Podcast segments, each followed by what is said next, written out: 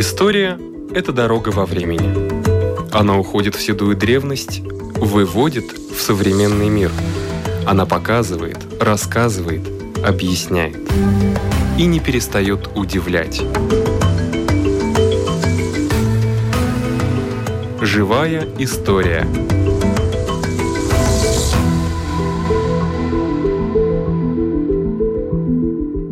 У микрофона Лидия Чера.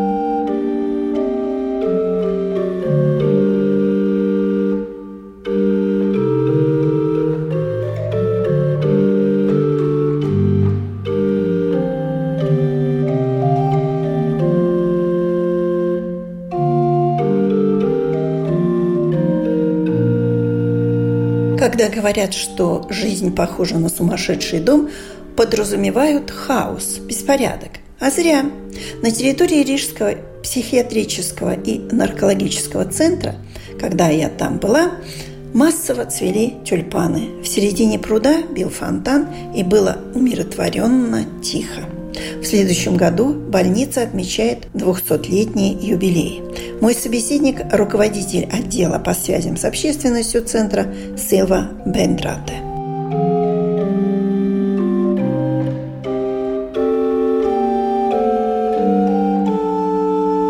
Как давно этот музей начал вообще свою деятельность? Я это собирала здесь и эту экспозицию делала с 2014 года. Это мой коммуникационный инструмент, потому что у нас был забор такой большой, высокий. И, конечно, людям хотелось Заглянуть. посмотреть, что здесь. Да, а как да. ты будешь заглядывать, если нет никакой цели. И я видела, что есть большой интерес о нашей истории, о нас, потому что название такое, что есть и тени, и есть всякие предрассудки, и стигматизация есть, и все это мешает э, лечить людей. Они э, очень долго ждут, пока приходят к нам. Так сколько лет вам и в больнице? Э, значит так, я пришла здесь работать в 2012 году. И в 2014 я начала делать музей, чтобы рассказать о нас. И когда ты знаешь, куда ты идешь лечиться, знаешь больше, тогда... Но ну, не так страшно. Не так это страшно, да. И, конечно, интервью разные, это хорошо, но чтобы самим зайти, посмотреть, что очень красивая у нас здесь природа, что очень хороший этот сад, теперь он э, действительно хороший, это тоже... Это, да, это тоже мое, так сказать... Детище. Детище, да, да, да, если так можно сказать. И я начала делать экспозицию. И первый раз в 2000 2016 году мы вступили в программу «Музейной ночи». И мы думали, ну, может, придут здесь 500 человек, это было бы идеально. Но пришло к нам больше, чем 3500. И я не знала, что делать, потому что такой интерес я не ожидала. И я поняла, что э, вот эти позитивные информации из каждого из этих 3500 это больше, чем некоторые интервью, которые появляются у нас в прессе. И тогда еще социальные сети не были такие актуальные. Теперь уже по-другому ситуации. Когда начала работать я над этой экспозицией, я поняла, что это очень интересно, потому что история наша очень древняя. Мы первая психиатрическая лечебница при Балтике. Да. И у нас на следующий год будет 200 лет исполнится. Это так что, солидный возраст. Да, это очень. И поэтому рассказы о людях, события из истории, когда я начала смотреть, это очень интересно. И я поняла, что мы действительно богатая такая личность, большая личность, и просто надо рассказывать людям, чтобы они не боялись, потому что мы развиваемся, мы улучшаемся. Это мы показываем через сад наш, который красивее становится. Это мы Фонтан, показываем. Да, и все есть, тишина. да, это это все, все что, все. чтобы людям здесь было приятно, когда они приезжают, они не приезжают э, на тюрьму, но mm на лечебницу, да. на больницу. И чтобы это их стимулировало раньше искать помощь, что здесь хорошо. Да, и да, у да. нас теперь есть, и мы строим новый амбулаторный центр здесь около Твайка, Иела будет такой. Потом у нас там реконструкция двух домов идет, да, у да. нас есть эм, реконструкция этого одного дома. Реконструкция была наверху дома тоже. Это все показывает, что мы можем лучше и свою лечебную услугу дать предоставить. людям. Да, да. но меня интересует история. Вот 200 лет назад, да. с чего все начиналось и почему в Риге? Больных было много? Потому что тогда у нас была юридически другая территория. Мы были как бы одна часть под Российской империей, но там были и другие, там часть Эстонии тоже были. И они решили, очевидно, то время, что здесь хорошее место, чтобы лечебницу делать, потому что они, конечно, исследовали, как бы делать это в других местах, но они остались здесь, что здесь хорошее место. Но история очень интересная, потому что сама территория история, она еще древнее. Это второй Кейзеровский сад, который да. во время Петра Первого было сделано. Он хотел здесь свой дворец. как они назывались? Высоты. высоты Александровские да. высоты, да. А название вот это Александровские высоты от того, что они здесь повышали это место, чтобы увидеть, как э, они за Ригу боролись, и Россия, и шведы.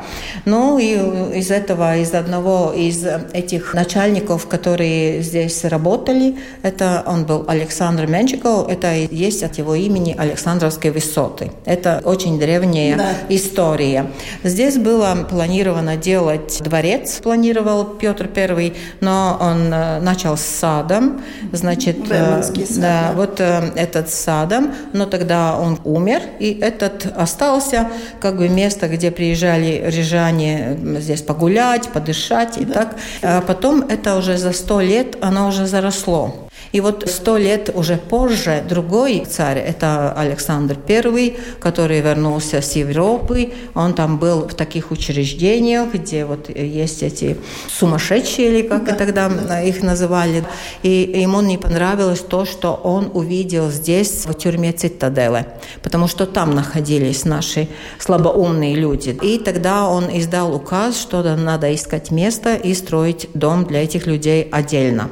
И тогда они искали место, и нашли, что это место очень хорошее. Оно уже заросло, но оно находится в таком месте, там свежий воздух да. и ландшафт красивый, да, да, да. это очень и было важно. на возвышении. Ну да, так что они решили здесь и начали строить это Вначале учреждение. Здание, да. понимаю. Э, нет, сначала было три здания, и это и там наверху две, да, они все сохранились, да, исторические памятники, как и это место, как Киевзоровский сад. Так что мы и этот памятник истории государственной значимости и по этому саду, и по этой вот стройке. И тогда у нас эту стройку вел Ото Вилгельм фон Вон Гун. Это был популярный рижский врач, Ему уже тогда было 60 лет, когда он начал руководить уже целебницей построенной. И это были золотые годы тогда. Он был хорошо обученный врач, э, его любили, популярный. И он был первым, который э, в Латвии и в России начал классический метод прививки от оспи, Баккас. А вот это он. Вот это он. Это он. Это наш... болезнь. Да, да, да. Это наш директор. И... Это какой год? Это когда уже. он начал руководить этим э, нашим э, уже построенным да. зданием, комплексом, вот, да, комплексом да, который назвали благоугодные места на Александровских высотах. Красиво. Так э, начал в 1824 году. Они открыли. Так что, я говорю... Вот они 200 лет. Да, 200 лет и есть. И тогда они делали вот уже порядок, устав уже сделали, и уже... Ну, а лечение то... было таким же безжалостным вообще-то? Нет, э, как раз в уставе указано, что вот к этим слабоумным людям надо относиться особенно корректно и положительно. Уважать да, да, это уважать, да, их. И главный метод – это переговоры, то есть беседа, да, беседа, беседа. да, интересно. Так что это так было. У нас э, здесь в музее, конечно, есть из э, древней истории, есть э, фотографии, есть информация, но из самой древней истории психиатрии, но там очень мало здесь было из этого, потому что самая древняя вот психиатрическая лечебница находится в Лондоне, стране. Это Бедломская целебница, и она, по-моему, где-то 700 лет уже справляет. Так что там, наверное, что-то такое было, но что-то, наверное, у нас тоже было. Но об этом я не знаю, потому что в то время не жила. Да, но бывают взлеты, падения. Вот какие были годы подъема и годы спада. Лечебница очень боролась за выживание. И несколько раз были попытки ее переместить где-то в другое место, в Эстонию, в то направление или в другое место, но это они все-таки опять пришли к этому, к лучше этого места нету, потому что денег тоже нету. А Красный Крест в то, в то время был же довольно нет, богатый? Нет, никакого, нет, там помощи есть... не было? Нет, там не было такой помощи, они собирали деньги, когда вот здесь Саркандаугова, здесь река, да, да там же плыли вот эти баржи и лодки, и там они ловили рыбу, и когда они остановились на нашем вот берегу, с них брали деньги. Потом они сдавали землю на маленькие садики да, тоже, да. В аренду. Да, в аренду. Потом они собирали взнос, когда переезжали через мост. Они, в общем, боролись за выживание. Ну, конечно, давала и начальство, то есть Рижская, э, Рижская дума что-то они давали, но не очень много. Была такая комиссия по социальному обеспечению да. такое, да, они там что-то тоже, но не было. Здесь э, другие места Латвии, они э, работали лучше, были богаче, здесь она не была богата, потому что это поддержки от э, руководства такого большого Риги не было. Потом еще я знаю, что и царь там что-то давал, но они всегда боролись за выживание, потому что здесь собирались люди, которым не было много денег. Мало, да, да, вот именно малоимущие. Сначала здесь было 221 койка, а, но они только 52 были для слабоумных. Остальное это был дом труда, это был э, отдел социального обещания, то есть там были старые люди, инвалиды. Потом был отдел проституток, которые сами Тоже за себя. Да, да, нет, они за себя платили, потому что они работали. И потом это было пармацибу, намс, как это будет по-русски. То есть здесь были такие люди, которые ну, не очень-то сделали какие-то большие э, преступления. Да, да, ну такие пармацим нам, ну, где да. их там перевоспитывали, перевоспитывали да, Бобо, да. дом перевоспитывания или как-то. Да. Так это было самое начало. Но потом в течение сто лет была специализация, которая уже на сто лет, там у нас другой директор есть, такой Янис Гранц. Пойдем посмотрим. Да. Вот он здесь, э, это, его можно видеть. Это уже это уже 100 лет. 20 век или Это уже 1924, вот 20-е годы. Век, да. Ну вот здесь эти фотографии того времени. Вот Янис Бранц, Тогда Красавец, я бы сказала. Здесь вообще красавцы, как бы актеры да. около Национального театра. Вот здесь они, наверное, да. когда был этот юбилей, они там сфотографировались где-то здесь. Но красивые люди, да? Красивые, да, очень сомнения. Да, да. И вот специализация была в двух направлениях. Одно направление – это была психиатрия, а другое было из этой отдела проституток – это была венерология. Естественно. Вот это да. такой отдел. Это было очень близко, потому что тогда таких э, лекарств не было. От болезней венерологических ну, тоже сошли с ума, и это уже близко было очень. Поэтому эти две специализации здесь были до 1944 года.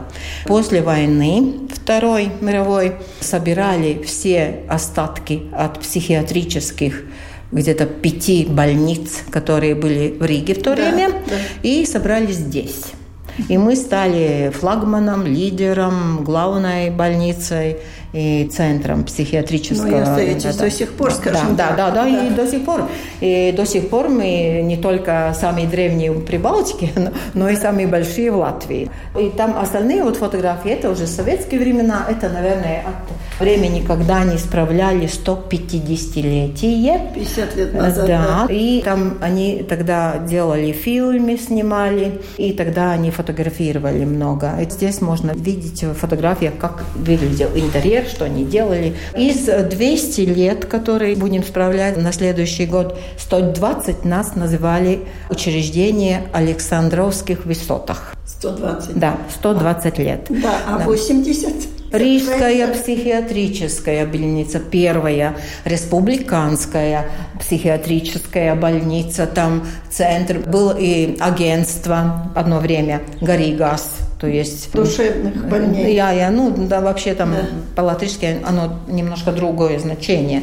Но, значит, там всякие разные эти были. И потом уже 20 лет назад примерно, или меньше немножко, называют нас Рижский психиатрический наркологический центр.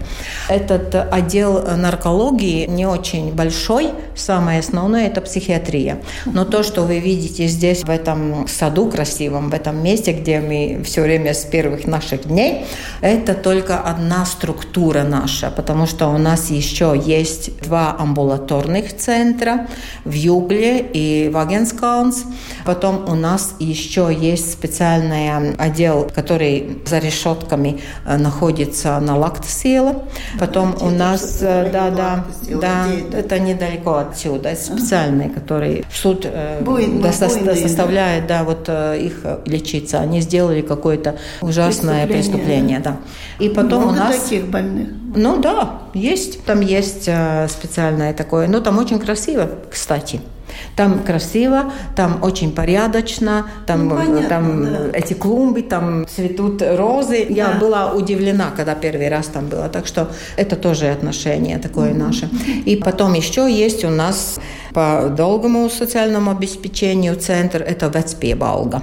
А там они живут всю жизнь. Там и старые люди, и не так очень старые, которые не могут одни жить. Они там находятся. Угу. Так что они это живут. Когда, да, это ну, разные, разные, разные, да. Потому что им надо помощь. Это не как пансионат, но, да. но это больше там есть и медицина, ну там все.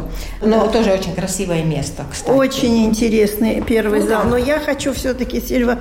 попросить вас еще зайти в следующий да. зал. Мы там еще не были. Здесь да. все по годам. Здесь то, надо долго-долго Вот когда смотреть, сделали, да? тогда вот делали, тогда собрали со всех чердаков, я э, поняла, погребов да. и вообще набрать, набрали набрать все то, что нашли. Экспонаты. Да. А вот забор этот железный железный, тот, который был раньше? Нет, да? нет, это не заборы, это Фрагменты решетки. Забора. Нет, нет, да. это решетки от окон там наверху у того дома, когда его начали э, реконструировать, тогда выбрали все вот эти, э, решетки. эти решетки. То есть они да. были за да. решетками, а сейчас уже нет. Ну, это из советских времен, да. да, да. Там теперь уже мы убираем решетки, потому что Но вы используете их очень оригинально, ну, да. я так понимаю. Ну, это артефакт, это один из артефактов, потому что, чтобы было у нас.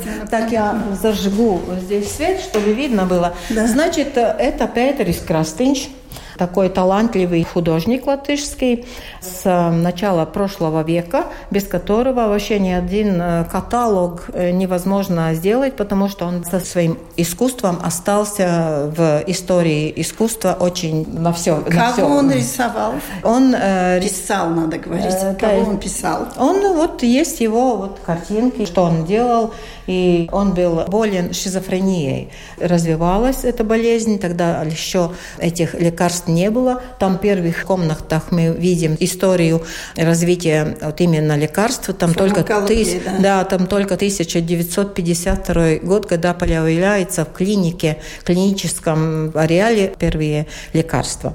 Тогда не было, и из своих 60 лет он 30 примерно лет здесь провел. Здесь он тоже рисовал. В 1911 году была очень красивая выставка его, и положительные отзывы были очень от него, очень многое ждали, но прогрессировала болезнь очень быстро. А шизофрения – это припадки, да? Это разное. Это голоса, ага. это невозможно контролировать себя, всякое что-то там показывается. Он вообще это другое, э, Но другое его, человек, его, да, да, да очень красиво. Его эго. Ре, ре, реально, да. Другая реальность, в которой да. тогда человек живет. Когда акутный вот этот ну, есть острый период, особо, да. да. Острый период, особо да. острый. Да. Вот еще есть комната, да, оказывается. Здесь тоже мы продолжаем. Здесь тоже, тоже эти решеточки красивые. Да, да. Здесь э, есть одна очень такая светлая картина, называется «В саду». Это у нас в саду. Там есть вот большие вот эти да. жоги.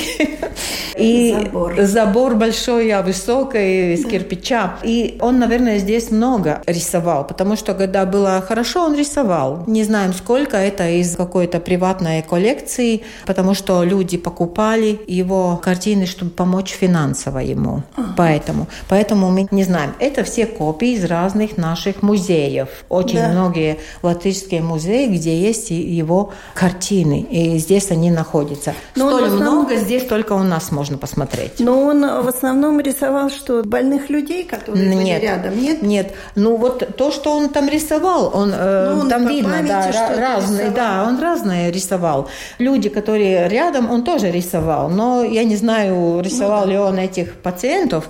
Там он сам в этих рисунках. Он смотрит вот в зеркало. О, я сейчас да, посмотрю. Да, он да. смотрит. То есть по зеркало, как он стареет, как он болеет. Да, он, он видит, как вообще изменяется у него лицо, потому что изменяются глаза, выдавливается. Да. Ну, так это было, так это проходило. Да. Здесь огоньки горят специально в, этих, в этом зерне, в зернах, потому что это как бы напоминаем о том, что ничто не создано в мире как пустые зерна даже этот больной человек, у него тоже имеется золотой потенциал. Только Свою как жизнь, да, только как его жизнь, это если болезнь, вот как он может с этим бороться, как он может с этим, как он справляется. Но я всегда тогда напоминаю, что теперь есть лекарства которых не было еще недавно. Есть много да. лекарств. Это, разных... это есть актриса Тия Банга, на которой он, так сказал, положил глаз с любовью, но не было с ее стороны ничего такого. И вот это... Взаимности. Бы, да, взаимности не было. Здесь как бы сцена его жизни, которая главная актриса, муза, это вот Тия Банга. Это вот актриса. Значит, да, вот ее можно даже увидеть да, фотографии да, ее. Да, да. У нас в этом музее есть много разных отдельных таких экспозиций. Это была вторая, что мы сделали.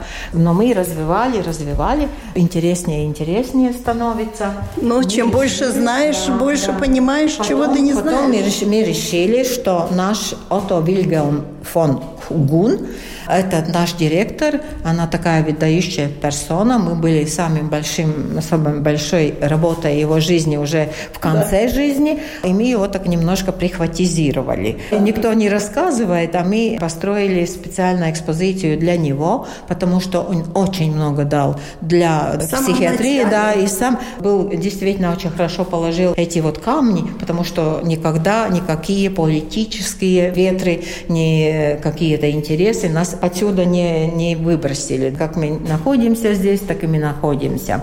Это очень важно, потому что да. такие попытки были, потому попытки что хорошее место. Да, и на радио да, тоже пытаются да, все время да. нас выгнать. Ну вот, здесь, э, здесь зал Гуна, который мы так назвали. Почему Гуна? Он же Отто Вильхельм. Отто Вильхельм а, Вон Гун. Гун. Я ну, Хуна да, зала, да.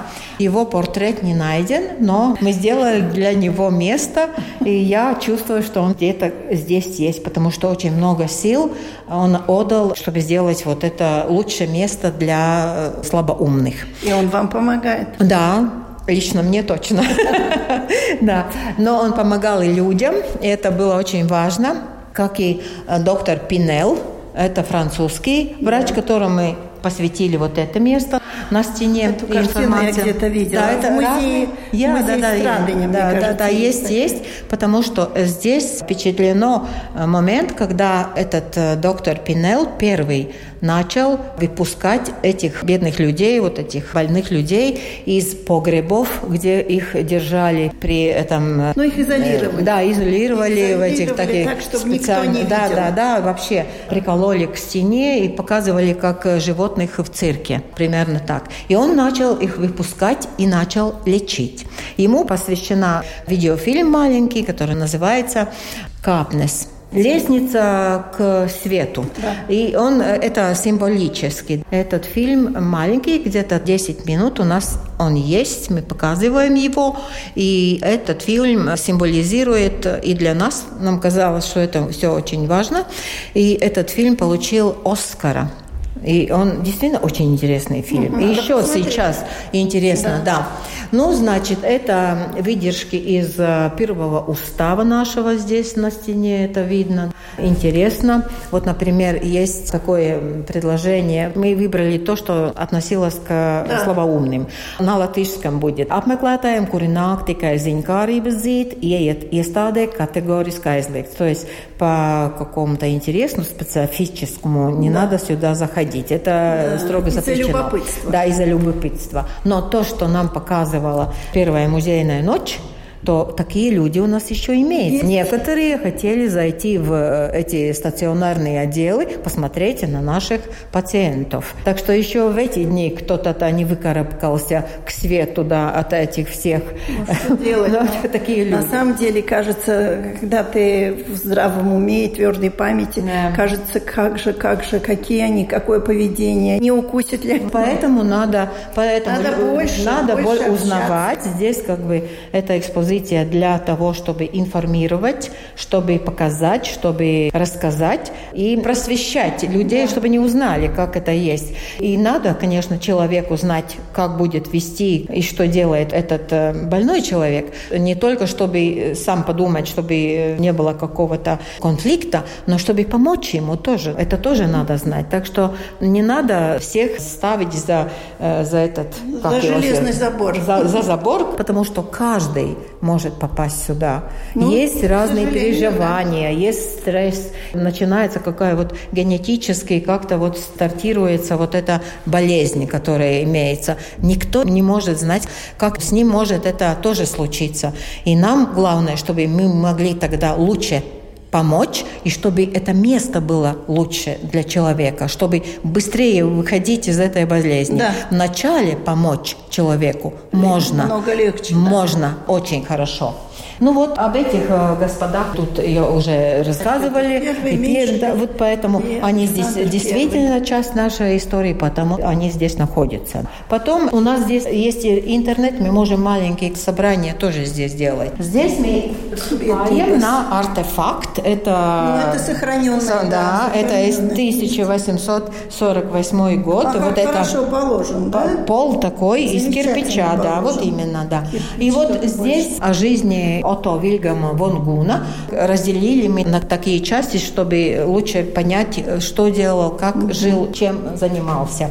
И цари его ценили высоко, разные вот подарки, бриллианты даже. Так что он был действительно... Признан. Да, признан. Признан потом, при жизни, Да, хорошо. да, потом он э, действительно очень был такой человек, который был общительный. общительный. Здесь разные э, разные организации, в которых он ходил, работал работал, не только специальные медицинские, но и литературные организации искусства, так что он был такой да. высоком... Теологии, ну, да, медицины, да, все да, это да. было. Он был очень-очень таким... Да.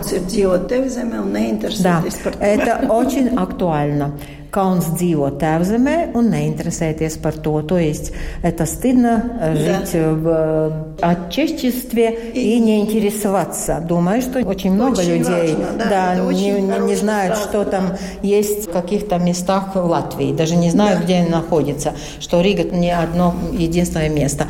Если смотреть его работы, то он часто употреблял какие-то цитаты. Поэтому это Они очень красивое, да, да и мы хотели ее было очень да, актуально. О, качели. Его работы. Ну и вот о нем еще это продолжается. лютеранское наследие. Да, это, это да, вот это его место погребения. Место погребения. А это старые большие рижские. Правильно, я там и видела. Да, да. да. капи. Кладбище. Кладбище большое, да, это рижское. и он там, да, и там есть вот эта церквушка белая такая рядом, там его место, там он лежит. Он был не только доктор, но очень многим занимался. Он был и очень активный топограф. Да. Собирал информацию, как и Бродце, которого мы знаем, и его коллекция очень богатая, сохранилась хорошо. Его коллекция Ото Вильгама Вонгуна не так хорошо сохранилась, потому что некоторые часть потерялась. Потом они разделили, когда он ушел с жизни по разным архивам, и там они как-то не очень хорошо сохраняли, но что-то есть. Работать с этим материалом трудно, но найти там хорошее, интересное можно. И он сделал манускрипт двух э, книг. Одна – это «Первая помощь людям». Такая, это но не издал. Важно, очень важно, но не, не успели издать. О чем он жалеет. Там можно, где он там пишет, э, это увидеть. Потом другая – это для акушерок, чтобы обучаться. Да. Потому что это было на очень низком уровне. Еще бы. Да, потому, Смертность ну, да, большая. большая. У него были две лаулейбас.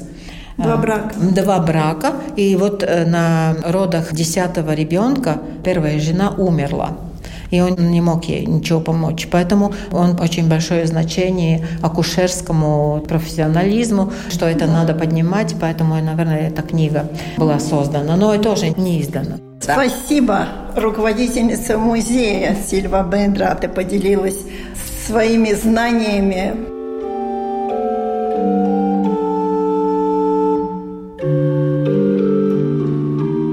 На этом наша передача заканчивается. Всего вам доброго.